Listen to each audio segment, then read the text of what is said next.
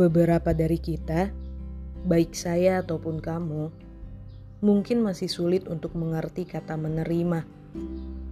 Sebuah kata yang sebenarnya terdengar sederhana, bahkan sangat mudah untuk diucapkan itu, tapi tak jarang sangat sulit untuk dipahami. Menerima kalau saya cari di KBBI, Kamus Besar Bahasa Indonesia, memiliki arti sebagai berikut, yaitu menyambut, mengambil sesuatu yang diberikan, mengesahkan, membenarkan, mendapat, dan terakhir berarti mengizinkan. Mungkin bila berpatokan pada pengertian tadi, terdengar begitu mudah untuk dilakukan di kehidupan nyata.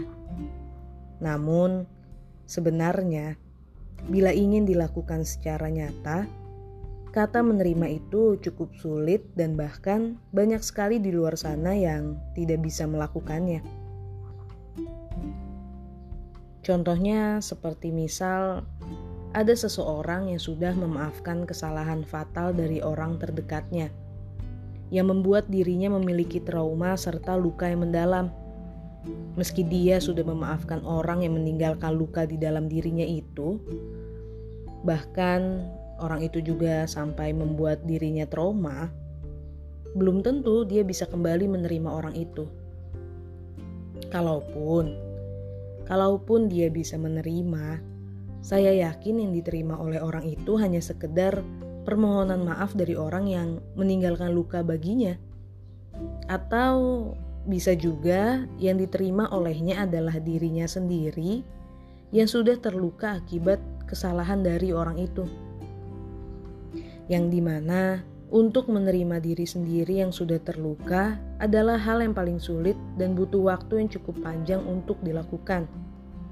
Namun, Meski begitu, hasilnya menurut saya lebih menenangkan daripada hanya sekedar menerima permohonan maaf dari orang yang sudah menyakiti dirinya.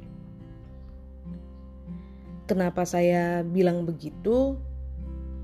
Karena menurut saya, menerima segala sesuatu yang pernah terjadi di hidup yang sudah kita jalani ini, baik itu dalam bentuk luka, bahagia, air mata, amarah, atau bahkan tawa sekalipun adalah hal yang tidak semua orang bisa, bahkan mengerti bahwa sebenarnya menerima segala sesuatu yang dirasakan itu justru lebih berharga daripada harus memaksa mereka untuk mengerti apa yang dirasakan oleh diri sendiri. Ya, oleh saya ataupun kamu yang dirasakan oleh kita lah dan tentunya menerima diri sendiri dengan segala perasaan yang dirasakan itu dilakukan bukan untuk ditunjukkan kepada mereka atau kepada seseorang.